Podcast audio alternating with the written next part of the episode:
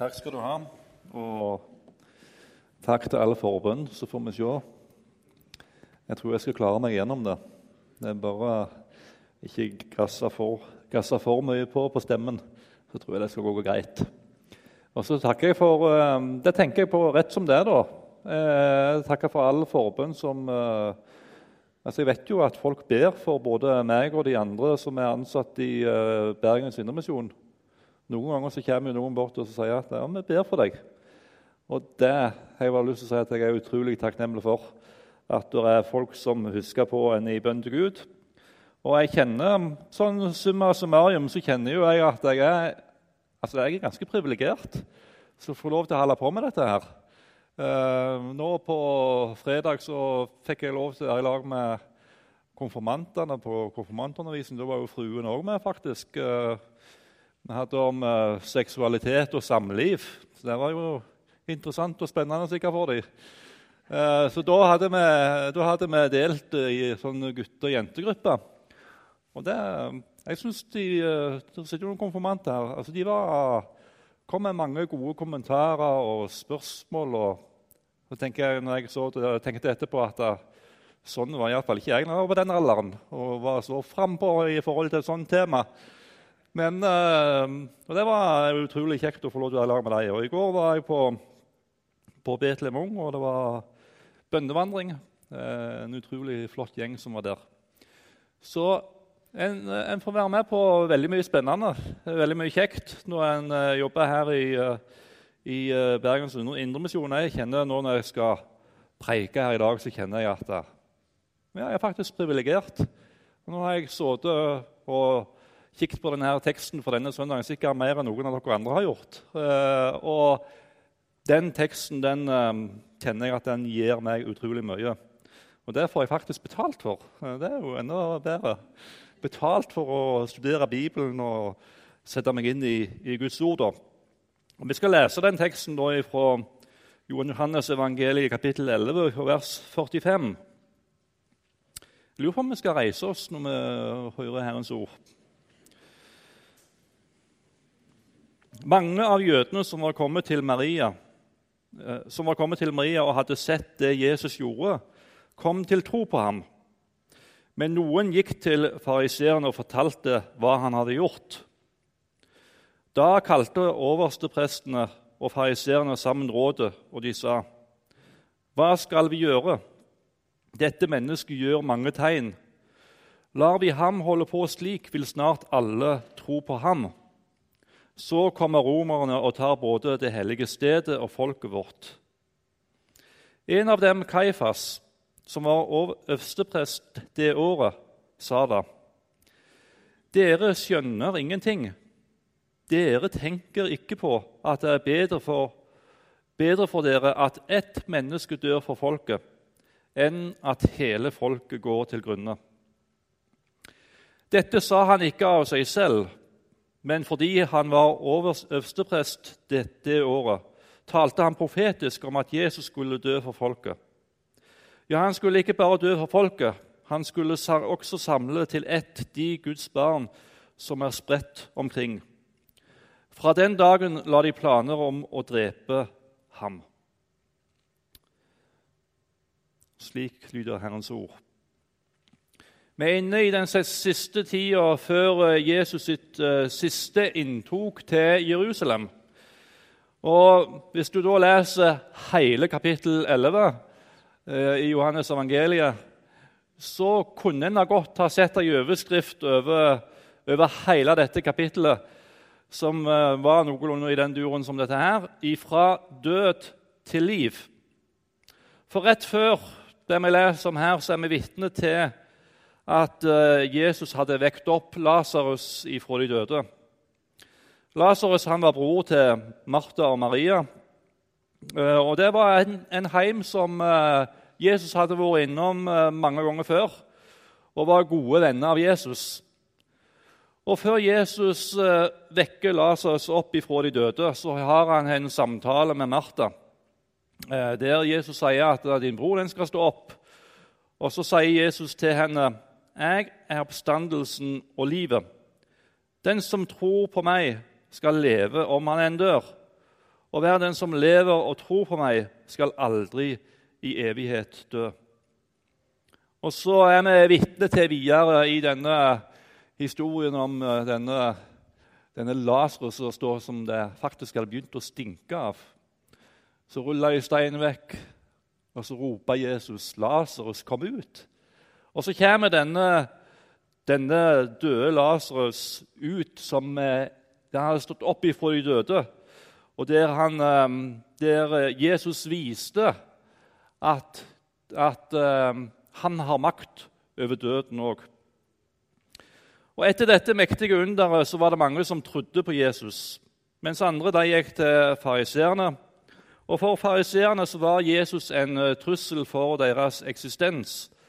Alle ville til slutt tro på ham, uh, sa de, og de lurte på hva i all verden de skulle gjøre med Jesus.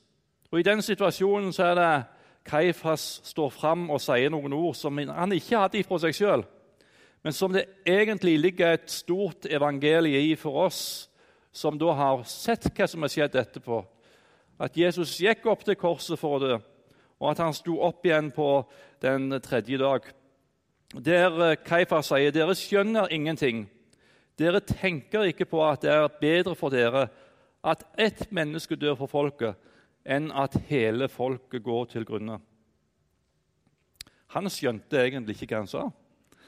Uh, han tenkte først og fremst på den eh, posisjonen som Jesus etter hvert hadde fått. Og så tenkte han at det var jo ikke noen bra ting, det Jesus holdt på med. Og resultatet det ville jo selvsagt bli at folk gikk til grunne når de fulgte den læren som, som Jesus lærte dem. Og det, at det derfor var best at Jesus lei døden. Men det lå en langt dypere mening i det som han her sier. Det blir kalt for en, en profeti. Og en profeti det handler jo om eh, at en ser inn i framtida. Og Øversteprestene de hadde det som en del av sin, sin tjeneste at de kunne tale profetisk, uh, uten at de kanskje av og til alltid var klar over det. Og her sier, her sier eh, Kaifas noen ting om, eh, om, Jesus. For det var jo derfor Jesus kom. Han kom for at vi ikke skulle gå til grunne. Det var derfor at Jesus lei døden på korset. Og Gjennom hele Det gamle testamentet så er det mange profetier om hans lidelse og hans død for oss, og hva Jesus virkelig skulle gjøre, sånn at vi kunne ha håp om evig liv. Og Jeg har lyst til å bare ta med noen glimt, for jeg tror av og til at det kan være greit at vi kikker på hva er det Det gamle testamentet sier faktisk om Jesus, han som skulle komme, og det Jesus har gjort for oss, som viser oss at det er håp for alle mennesker. Når vi går til Jesaja kapittel 53 det er jo ord som eh, vi som har gått og vanka inn, inn, og ut i, i bedehuset, har hørt uh, utallige ganger. Men jeg tenker det er et enormt budskap i disse versene fra Jesaja 53 og fra vers 4. Sannelig, våre sykdommer tok han. Våre smerter bar han. Vi tenkte han er rammet, slått av Gud og plaget. Men han ble såret for våre lovbrudd, knust for våre synder. Straffen lå på ham for at vi skulle ha Straffen lå på ham, vi fikk fred. Ved hans sår ble vi helbredet. Vi gikk oss alle vill som sauer. Hver tok sin egen vei men skylden som vi alle hadde, lot Herren ramme ham.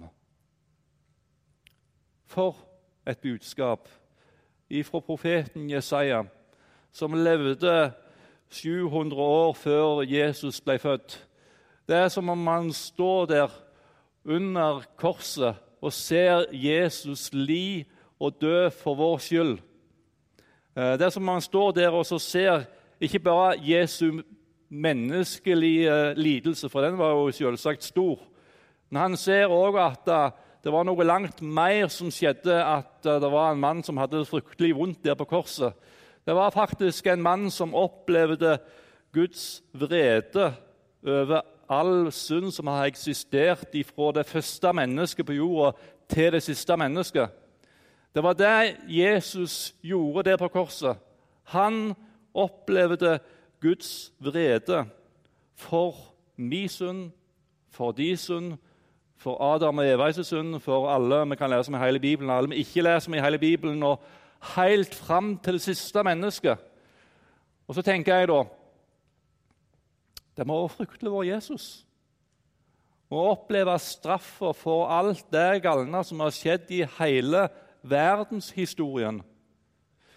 Um, skylden som lå på oss alle, skylden som vi alle hadde, lot Herren ramme ham.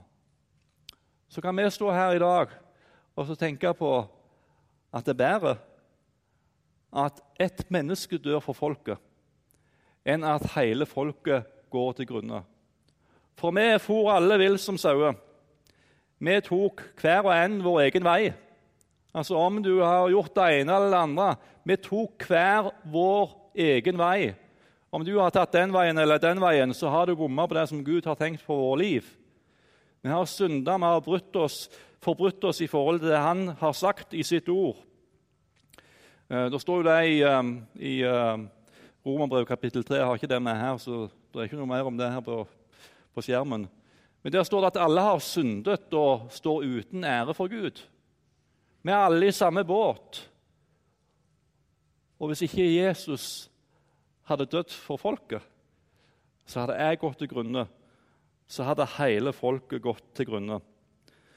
Og Vi kan ta et vers til eh, fra Jesaja kapittel 9 og vers 6. Et barn er oss født. En sønn er oss gitt. Herreveldet er lagt på hans skulder. Han har fått navnet Underfull rådgiver, veldig Gud, evig far, fredsfyrste. Og Så kan vi se på hva var det Jesus kom med. Jo, han kom med alle disse tingene her. Han kom, for, han kom og bringte fred. Han kom som en evig far. Han er en veldig Gud, han er en underfull rådgiver. Og så tenker jeg, Vi preker om dette her helt i starten av dette året. dette verset her. Og så tenker jeg når jeg leser dette verset her, dette verset gir håp inn i alle livssituasjoner og inn i mitt liv, sånn at jeg slipper å gå til grunne. Men jeg kan få lov til å ha en sånn frelser, en som har dødd for folket, sånn at jeg ikke skal gå til grunne. Og Salme 72 den eh, kan du godt lese hele salmen når du kommer hjem. Den er en, en, eh, en profeti om Messias som skulle komme. Og Vi skal ta to to uh, avsnitt ifra, ifra, Salme 72. Og I vers 11 så står det alle konger skal falle ned for ham. Alle hedninger skal tjene ham. For han skal frelse den fattige som roper, den elendige som ingen hjelper har. Han skal spare den hjelpeløse og fattige og frelse de fattiges sjeler og i vers 17. Hans navn skal bli til evig tid. Så lenge solen skinner, skal hans navn skyte friske skudd. De skal velsigne seg ved ham, og alle hedninger skal prise ham salig. Det lyser håp ifra dette verset. Og hvordan i all verden kan, kan, kan det være håp for den fattige som roper? den elendige som ingen hjelper har? Hvordan kan det være håp for de fattige sjeler?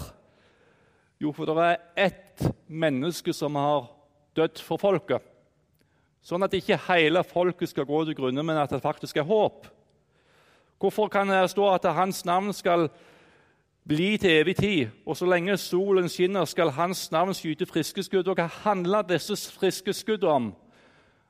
Jo, det handler om noen sånne nye mennesker som får møte Jesus, og som fordeler livet sammen med Han, så er det noen sånne nye, nye skudd som skyter fram for at er, Jesus kommer inn i flere hjerter.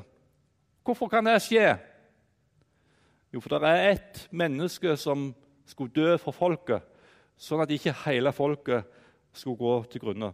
Og Sånn kunne vi ha fortsatt å ta profeti for profeti for oss, som peker fram mot Jesus som kommer med håp. Det er bedre at ett menneske dør for folket, enn at hele folket går til grunne. Og Når vi nå går inn i påskehøytida, så lyser det håp inn i våre egne liv. Det er håp for alle mennesker. Alle slags type mennesker. Og Når jeg skal si det jeg sier videre her nå, så kan det godt være at noen rynker på nesen. Men dette er virkelig evangeliet. Hør hva jeg sier videre nå. Det er like stort håp for drapsmannen som for, som for deg. Det er like stort håp for voldtektsforbryteren som for deg.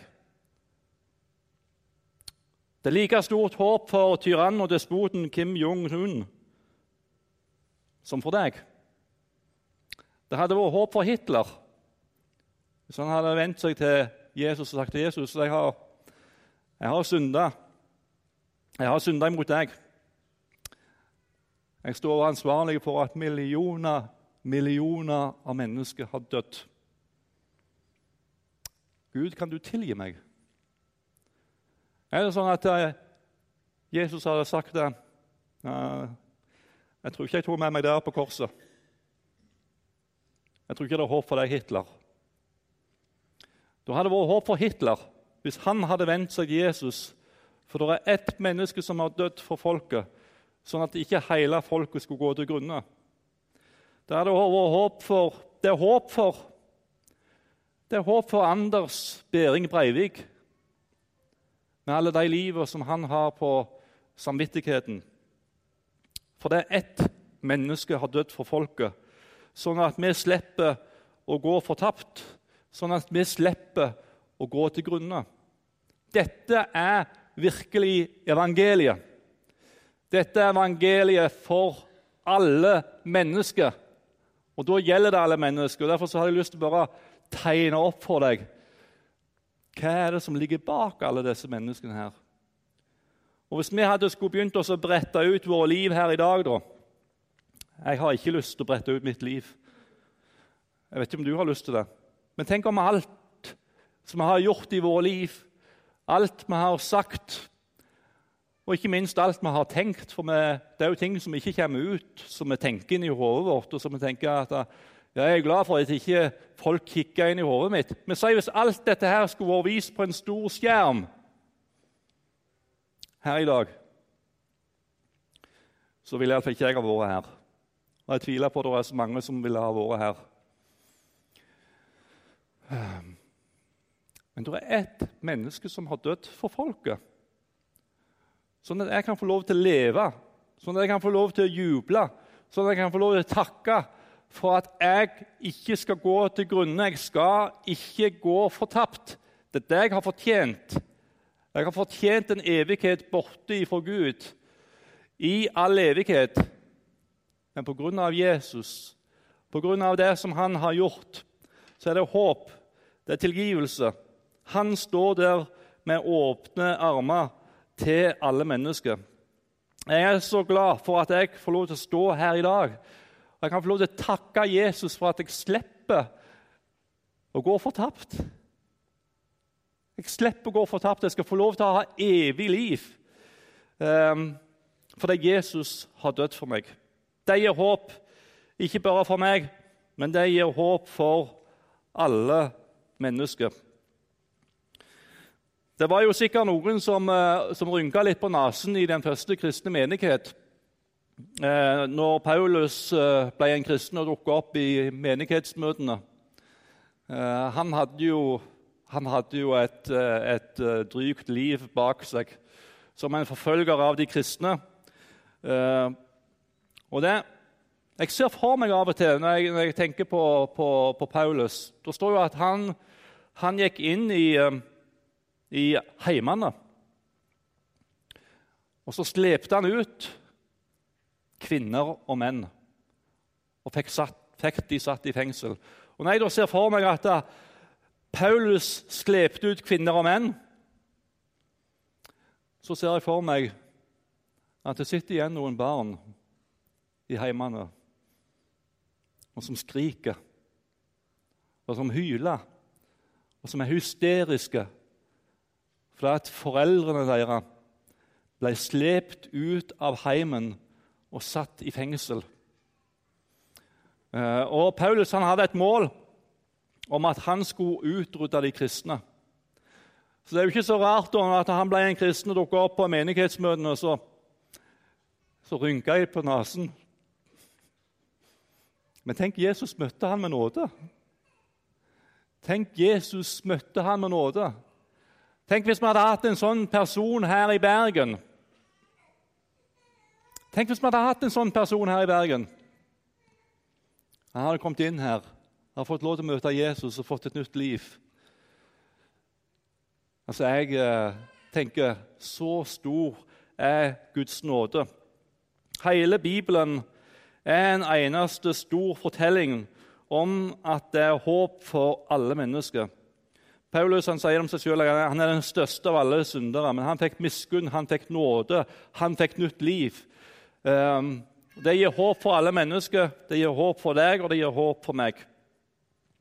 Og På samme måte som eh, Jesu armer står åpne for alle mennesker, så ønsker jeg at vi som fellesskap og som enkeltpersoner kan stå med åpne armer til mennesker som er av ulik karakter, og som har ulik bagasje med seg.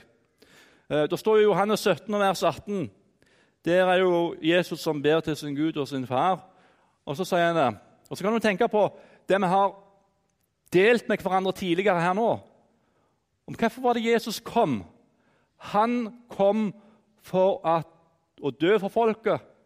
Ett menneske døde for folket, sånn at ikke hele folket skulle gå til grunne. Og på grunn av det så står han der med åpne armer til alle mennesker av alle kategorier som har gjort uh, utallige synder gjennom hele sitt liv. Og så står det da i denne Jesus sin ypperste prestelige bønn i Johannes 17, vers 18.: Som du har sendt meg til verden, har jeg sendt dem til verden. Når vi vandrer fram i møte med mennesker av ulik karakter Det kan være eh, Altså, vi skal stå der med åpne armer.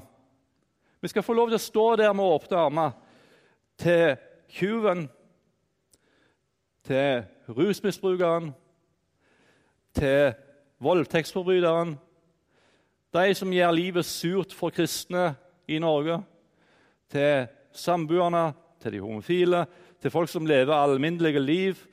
Vi skal stå der med åpne armer til alle typer mennesker. Vi skal få lov til å være med og formidle håp inn i våre omgivelser. Som far har sendt meg, som du har sendt meg til verden, har jeg sendt dem til verden. Jeg vet ikke hva du sliter med. Eh, det vet jeg faktisk ikke. Men du skal vite at du er velkommen til Jesus, og du er velkommen òg til å være en del av fellesskapet vårt. Jeg ønsker at Jesu nåde det skal ikke bare være noen tomme ord, for vi kan jo si at Jesus er glad i deg. Men at det skal faktisk være noen levende ord som gjør seg gjeldende i måten vi møter andre mennesker på. Sånn at de får lov til å erfare Jesu nåde inn i sitt eget liv når de møter oss. Um, um, i denne byen her så tror jeg det er veldig mange forskjellige folk. Og hvis vi, hadde, hvis vi, skulle, ha, hvis vi skulle ha delt med hverandre de ulike folka vi treffer på i løpet av ei uke, vi som hører til i fellesskapet vårt, så tror jeg det hadde blitt ganske mange forskjellige kategorier folk. Men vi skal få lov til å være med og bringe håp inn i disse menneskers liv. I vårt møte med andre mennesker skal vi få lov til å være med og bringe det håpet. For det er ett menneske som har dødd for folket, sånn at ikke hele folket skal gå til grunne. Kaifas han var øversteprest dette året. Eh, nå skal jeg prøve å runde av dette. her. Stemmene holdt ganske bra. overraskende så Jeg takker for alle forbønn. Um, Kaifas han var øversteprest dette året. Og En del av tjenesten til øverstepresten var at han en gang om året skulle gå inn i det aller helligste med blod ifra et lam som var slakta, for å gjøre soning for seg sjøl og for alle synder folket har gjort, uten å vite det, sånn som det står om i Hebreabrevet 9, vers 7. Og på den måten, på en måte så er, er Kaifas med på å bære Jesu blod inn i det aller helligste ved de ordene som han sa denne dagen her. Uten å vite det så starta det her altså en, en prosess med å få Jesus drept. Det står jo det i, eh, i, eh, på slutten der, i vers 53. Fra den dagen la de planer om å drepe ham. Um, så på en måte var Kaifas da med på å starte denne vandringen inn i det aller helligste, der det skulle bli gjort soning for folket sine synder. Og Nå er lenger er, nå er det jo ikke noen, lenger noen sånn øversteprest, men Jesus var den øversteprest som gikk inn, ikke for å gjøre soning for, for sine egne synder, men han gikk inn der for å sone våre synder, sånn at vi skulle få evig liv. Det er jo, når vi leser Bibelen, så kan det være mange sånne paralleller, sånne forbilder, som vi kan få lov til å hente ut fra Bibelen, som kan være til hjelp inn i våre egne liv i sammen med Han. Um, vi skal nå snart få minnes Jesu lidelse, død og oppstandelse. Og la dette budskapet enda en gang forfylle tankene dine, hjertet ditt, og gi deg håp inn i ditt eget liv og inn i dine egne omgivelser. Vi skal ta med ett vers. Jeg kan ikke tenke på påsken uten å tenke på dette verset her fra Kolosserbrevet kapittel 2 og vers 14 og 15. Gjeldsbrevet mot oss slettet han, det som var skrevet med lovbud. Han tok det bort fra oss da han naglet det til korset. Han kledde maktene og åndskreftene nakne og stilte dem fram til spott og spe da han viste seg som seierherre over dem på korset. Jeg vet ikke hva det står på gjeldsbrevet ditt, men det kan være mange forskjellige ting. Ehm, her står det at ehm, det har han tatt bort da han naglet det til korset. Så det, det fins faktisk ikke noe gjeldsbrev lenger for deg. Det er ingenting som står på den der lappen. Han har tatt det bort da han naglet det til korset. Er alt det du har gjort av synde ifra du ble født og helt fram til du dør. Der står det på et sånt svært, svært gjeldsbrev.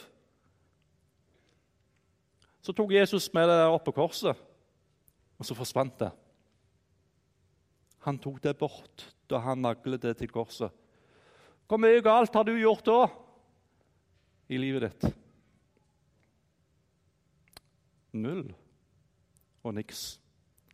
Absolutt ingenting. Og Da kan jeg si at jeg er utrolig hellig. Jeg er utrolig from.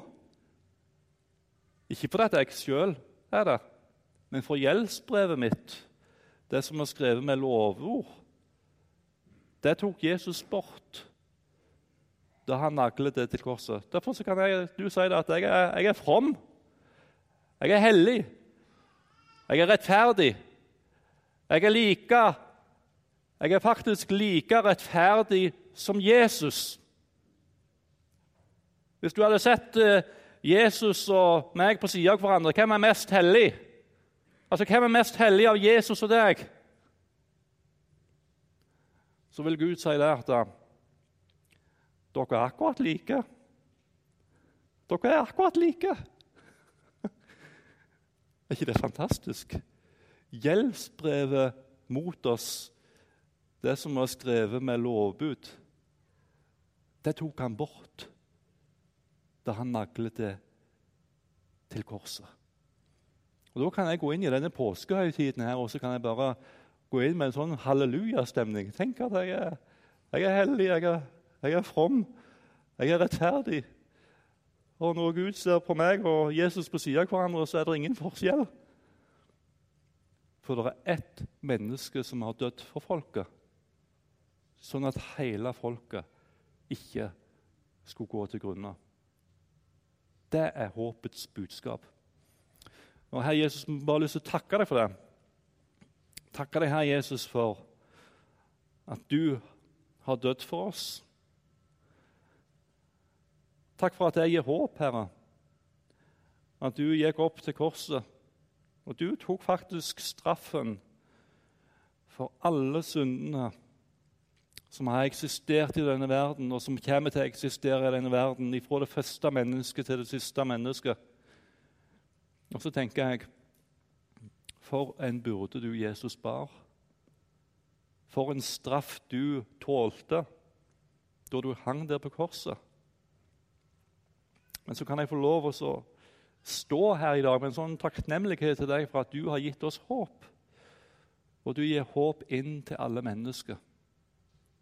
Og Jeg har bare lyst til å be deg her om, Herre, at uh, vi kan få lov til å være med og bringe håp ut i denne byen her. Til mennesker som lever borti fra deg, og som ikke kjenner deg, Herre. At vi kan få lov til å være med og bringe håp til, til naboene våre til arbeidskollegaene våre, til folk som lever på livets skyggeside. Jeg ber om at vi kan få lov til å være med og bringe håp til, til unge mennesker, til folk som er midt i livet, til folk som er i avslutning av livet. Herre. At vi kan få lov til å være med og bringe håp til disse menneskene. For det du har dødd for folket, sånn at ikke hele folket skulle gå til grunne. Og jeg bare ærer og priser og opphøyer ditt navn, Herre. Jeg takker deg, Herre, for at du er virkelig en frelser for hele verden.